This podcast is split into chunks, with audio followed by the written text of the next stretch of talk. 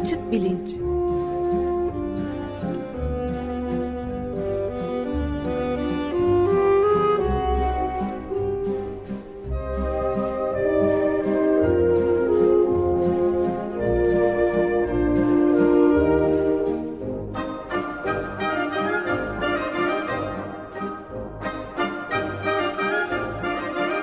Güven Güzeldere ile bilim ve felsefe sohbetleri.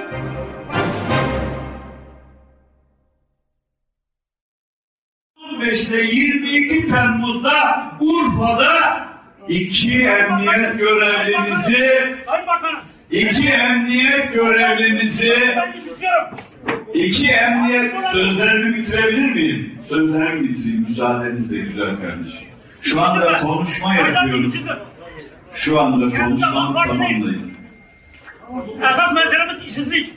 Vallahi açım ben. Günaydın Güven Bey, merhabalar. Günaydın Ömer Bey. Günaydın. Günaydın Özdeş. Ee, bugünkü programa neyi dinleyerek girdik?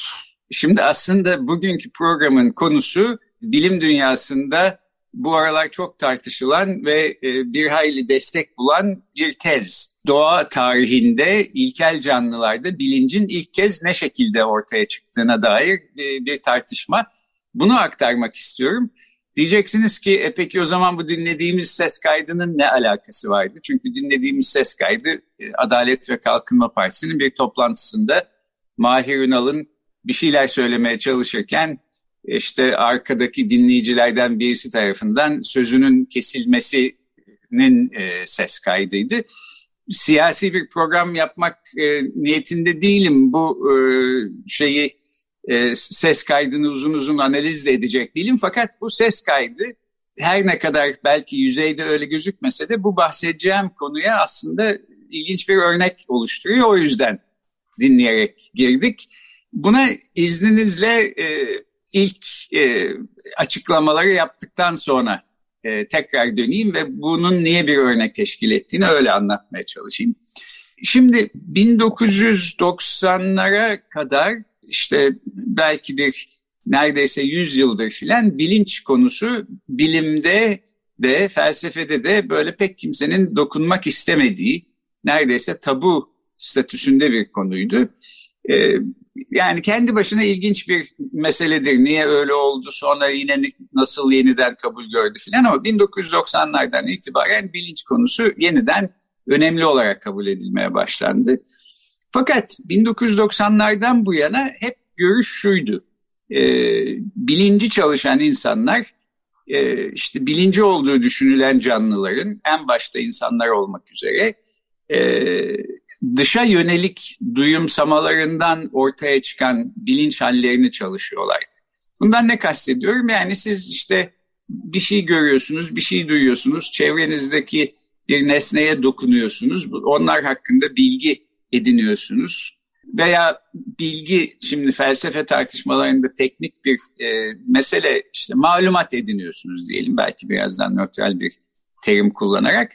E, yani dış dünyada olan bitenlerin bir şekilde bilincinize nasıl yansıdığı çalışılıyordu. Fakat son 10 senedir bir takım e, özellikle evrimci biyologlar, nörobilimciler ve fizyologlar demeye başladılar ki aslında bilinç için belki daha önemli olan özellikle doğa tarihinin ilk zamanlarına geri dönecek bakacak olursak yani bilincin ilk kez e, ilk canlılarda nasıl ortaya çıktığını inceleyecek olursak göreceğiz ki e, dış dünyaya ait malumatların bilince yansıması değil en önemli olan şey kendi bedenlerimizin iç durumlarına olan hassasiyetimiz ve bilincin ilk kez ortaya çıkması da aslında bu e, canlıların kendi bedenlerinin durumlarını takip eden e, sensörlerin verdikleri malumatların e, oluşturduğu hallerden e, meydana gelmiş olabilir.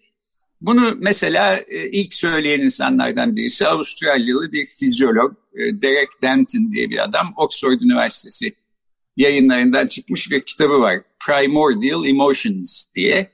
İşte iptidai duygular, ilkel duygular ya da daha doğrusu onun kullandığı anlamda temel duygular diye düşünülebilir.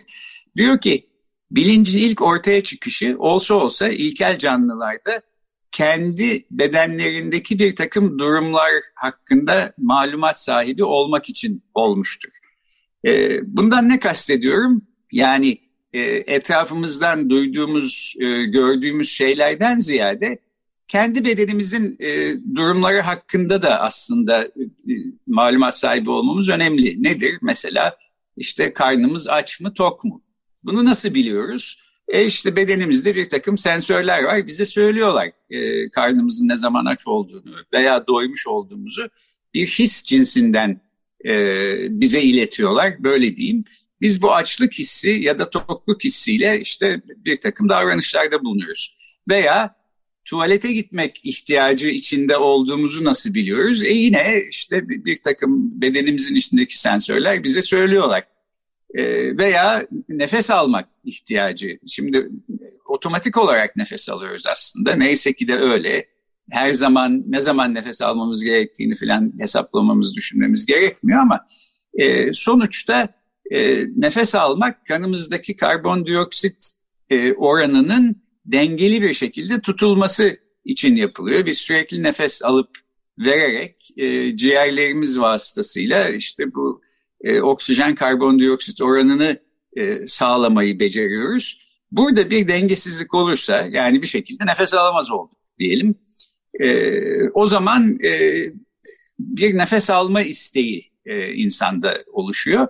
Ve Derek Denton diyor ki aslında bu kendi bedenimizle ilgili hisler o kadar kuvvetli ve önemliler ki e, zihnimizi bütünüyle e, işgal ve istila e, ediyorlar.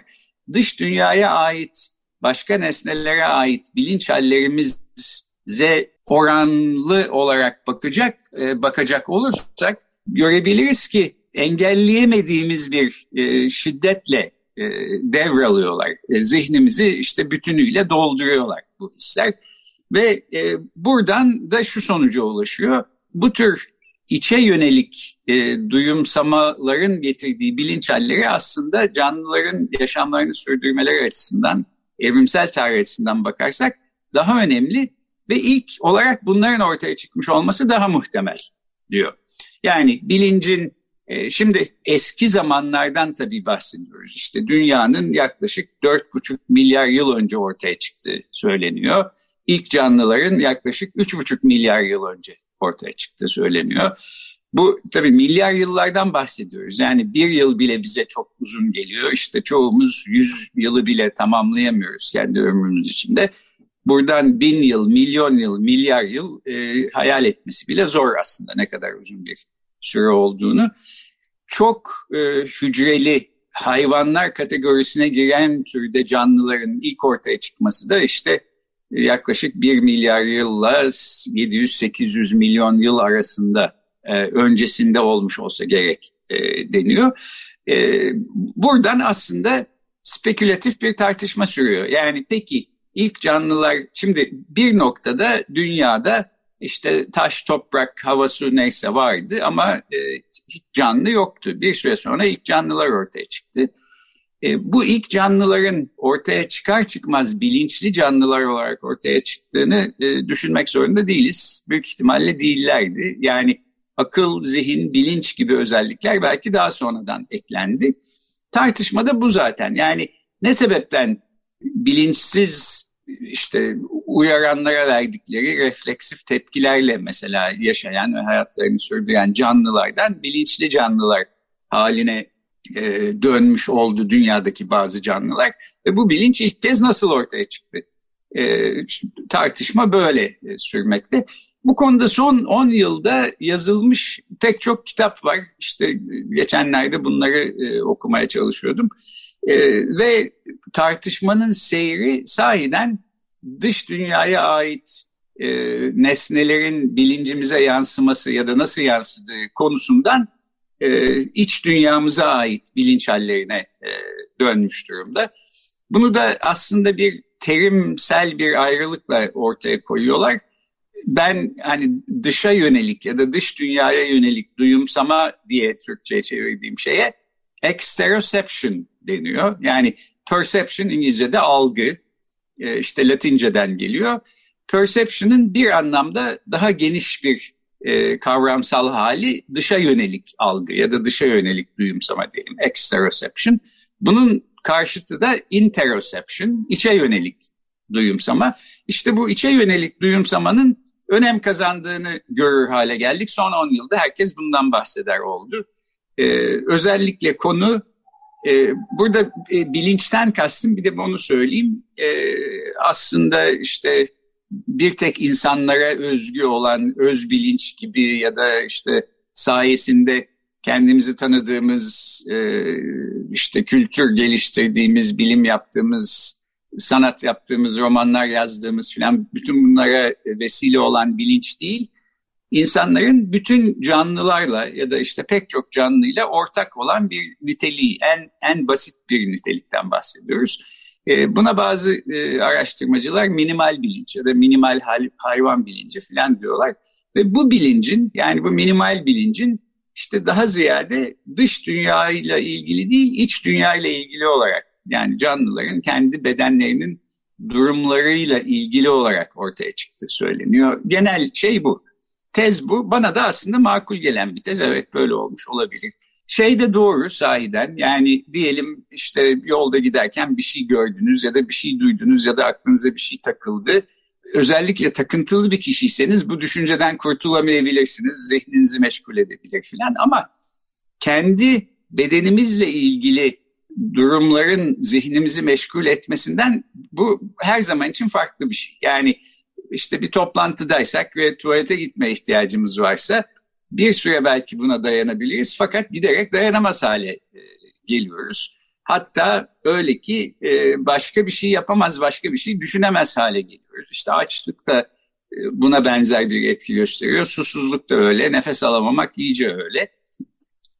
Dolayısıyla Derek Nanton'ın dediği bu içsel içe yönelik bilinç hallerinin işte canlıların zihnini bütünüyle işgal ve istila etmesi ve e, işte belli bir e, şiddet ve acillik hissiyle e, zihni bütünüyle kapsaması ve işte canlıların davranışlarını yönlendirmesi filan e, bana da makul gözüküyor. Eğer böyleyse evet ilk bilinç halleri belki bu, bu şekilde bedenin iç durumlarını e, hakkında malumat e, iletmek için e, canlılarda ortaya çıkmış olabilir diye düşünüyorum. Şimdi genel fikir bu. Buradan bu programın başında dinlediğimiz ses kaydına e, geleyim. E, bu ses kaydında işte Adalet ve Kalkınma Partisi'nin bir toplantısında partinin ileri gelen siyasetçilerinden Mahir Ünal'ı konuşurken duyuyoruz. E, böyle kendi sine göre çok önemli bulduğu bir konuda büyük bir ciddiyetle bir şeyler anlatıyor. Fakat dinleyiciler arkasından arkadan bir ses e, müdahale ediyor. İşte Sayın Bakanım, Sayın Bakanım diye. Fakat e, adamın sesi duyulmuyor önce. Mahir Ünal da e, zaten böyle her ne söylerse söylesin çok önemli şeyler söylediği hissiyle e, konuşan, işte Cumhurbaşkanı'nınkine benzer bir tonlama yapmaya çalışan filan bir kişi. E, üçüncü kez sözü kesildikten sonra güzel kardeşim ben burada konuşma yapıyorum bir izin ver de bitireyim falan diyor. Fakat e, güzel kardeşinin böyle bekleyecek e, sabrı yok. E, durmuyor, sözünü kesmeye devam ediyor ve esas meselemiz işsizlik. Vallahi açım be e, cümlesiyle sona eriyor bu e, ses kaydı.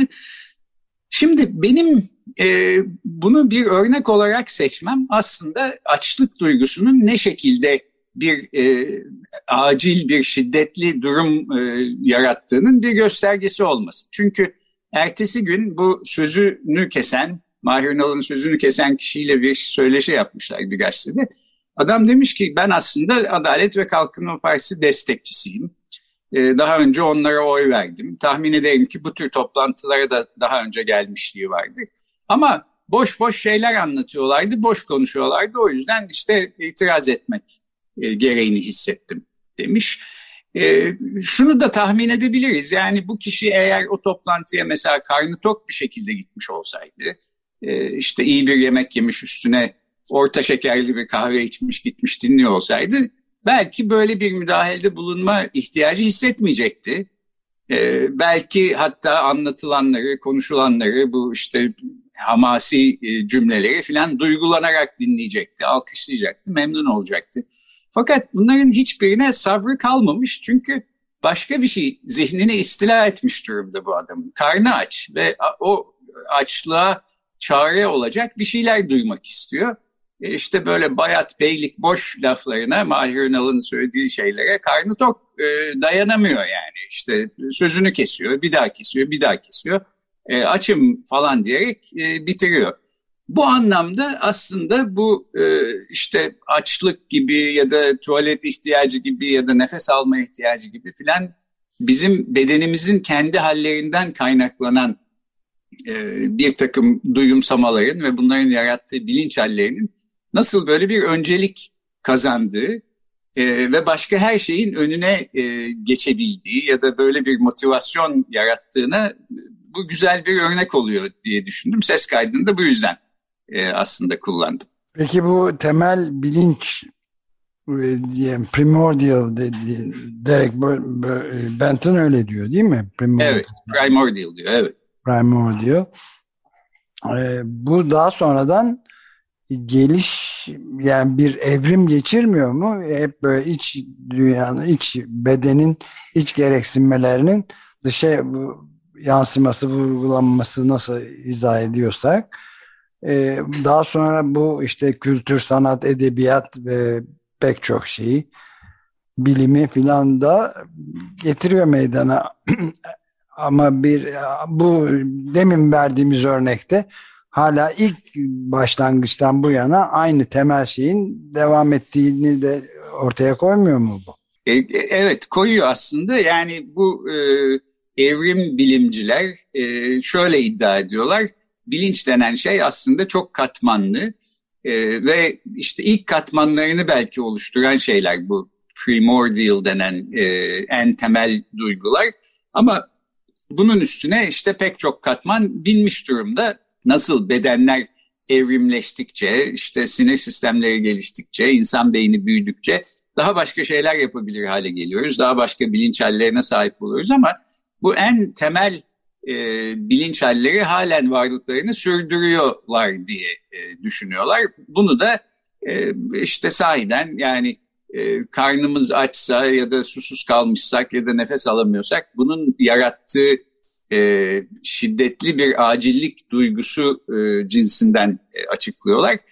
E, dolayısıyla genel olarak yani Derek Denton bu, bunu ilk söyleyen insanlardan da 2012 yılında yazmış kitabını 10 sene önce. Fakat o günden bugüne pek çok başka kitapta da benzer konuları görüyorum ve bu interoception denilen yani içe yönelik duyumsama meselesi e, ilk kez bilimde e, ciddi e, bir alan kapsamaya başladı. İşte toplantılar yapılıyor, konferanslar, kitaplar yayınlanıyor filan. Şimdi buradan bir de gelecek hafta yeni bir seriye başlıyoruz. Acı ve ağrı algısı üzerine. Bu konuya da aslında bu mesele, bu tartışma bağlanıyor. Nasıl bağlandığını da aslında şimdi izninizle birkaç dakika açıklayayım. Acı hissi e, niye var e, diye bir soru var e, evrimde. Yani hiç olmasaydı mesela ki bundan biraz gelecek hafta konuşmayı düşünüyorum. E, daha iyi olmaz mıydı filan diyen e, insanlar da var. E, genel olarak acı hissinin bir tür savunma ya da ikaz mekanizması olarak var olduğunu ve bir işe yaradığını, bu yüzden canlılar dünyasında çok yaygın olabileceğini filan e, savunuyor e, evrimci biyologların çoğu. E, şimdi burada e, ilginç bir e, şeye e, dikkat çekmek isterim. Diyelim bir örnek üstünden anlatmaya çalışayım. Diyelim e, işte yemek yapmaya meraklı bir insansınız bir bıçak, yeni bir bıçak aldınız. Keskin, özel bir bıçak filan. Ve bu bıçağın işte mesela ucuna böyle işaret parmağınızla dokunuyorsunuz filan. Şimdi dokunma duyusu dış dünyaya yönelik beş duyumuzdan bir tanesi.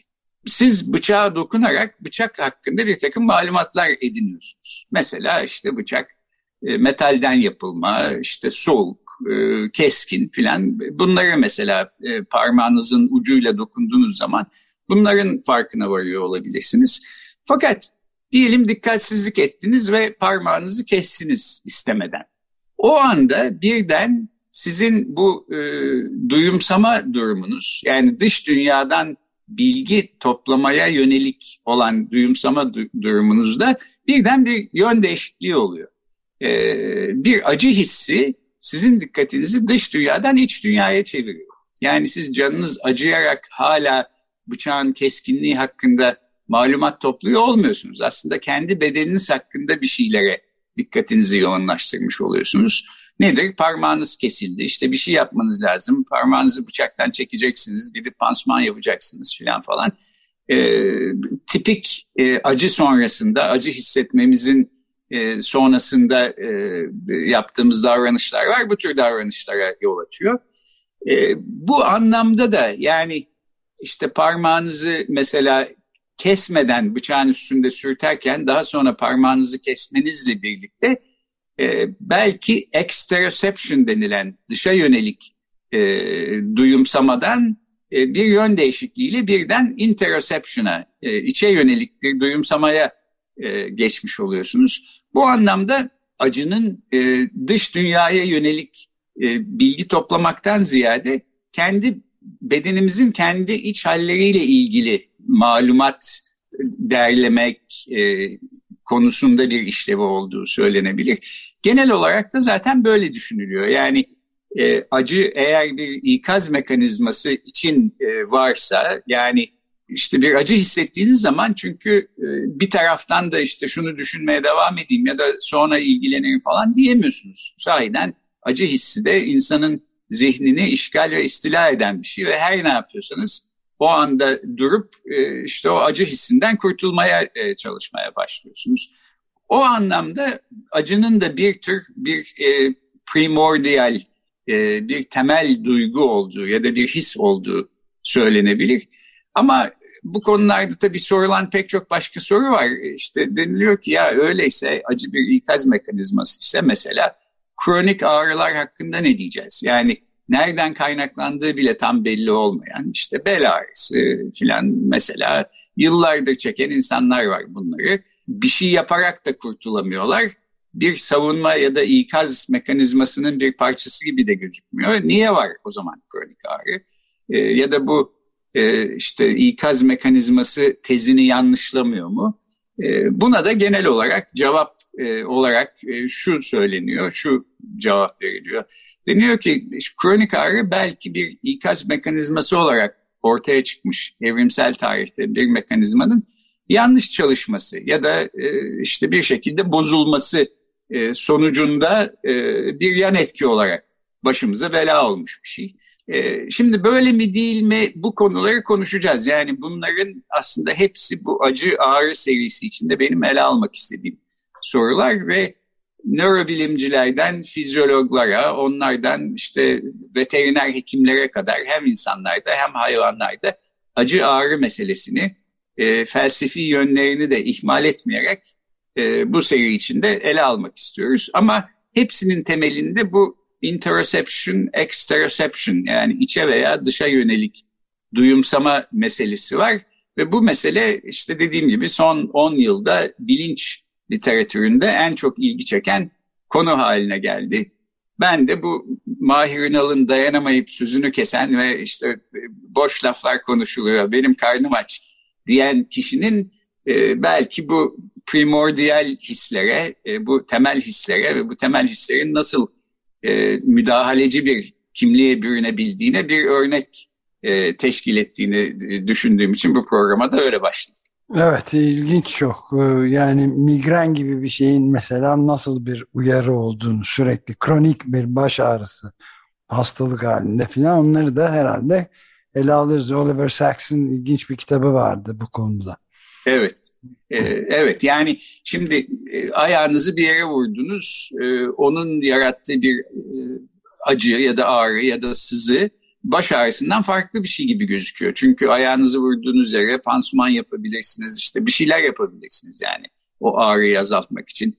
Baş ağrısının öyle bir çaresi yok gibi gözüküyor. Yani e, birden başlıyor. İşte tamam bir takım ilaçlar alıyoruz migrene karşı falan falan ama e, başımızın şurasında bir şey var ya oraya vurdum ya işte kanadı falan e, böyle bir sebebi yok baş ağrısının. çok Baş ağrısı özellikle pardon ilginç bir konu olduğu için aslında bu seri içindeki bir bölümü de tamamıyla baş ağrısına e, ayırmayı düşünüyorum. Çok E, iyi. Ben de onu önerecektim zaten. Ha. Evet bir aksilik olmazsa bu konularda uzman bir nörobilimciyle baş ağrısı konusunu bir bölümde konuşuyor olacağız. Tahmin ediyorum bu böyle 5-6 bölümlük bir seri olacak. Gelecek haftadan başlayacak. Peki galiba süreyi de bitirdik, doldurduk. Çok teşekkür ederiz Güven Bey. Ben teşekkür ederim. Haftaya devam etmek üzere. Haftaya devam. Görüşmek üzere. Görüşmek Görüşmek üzere.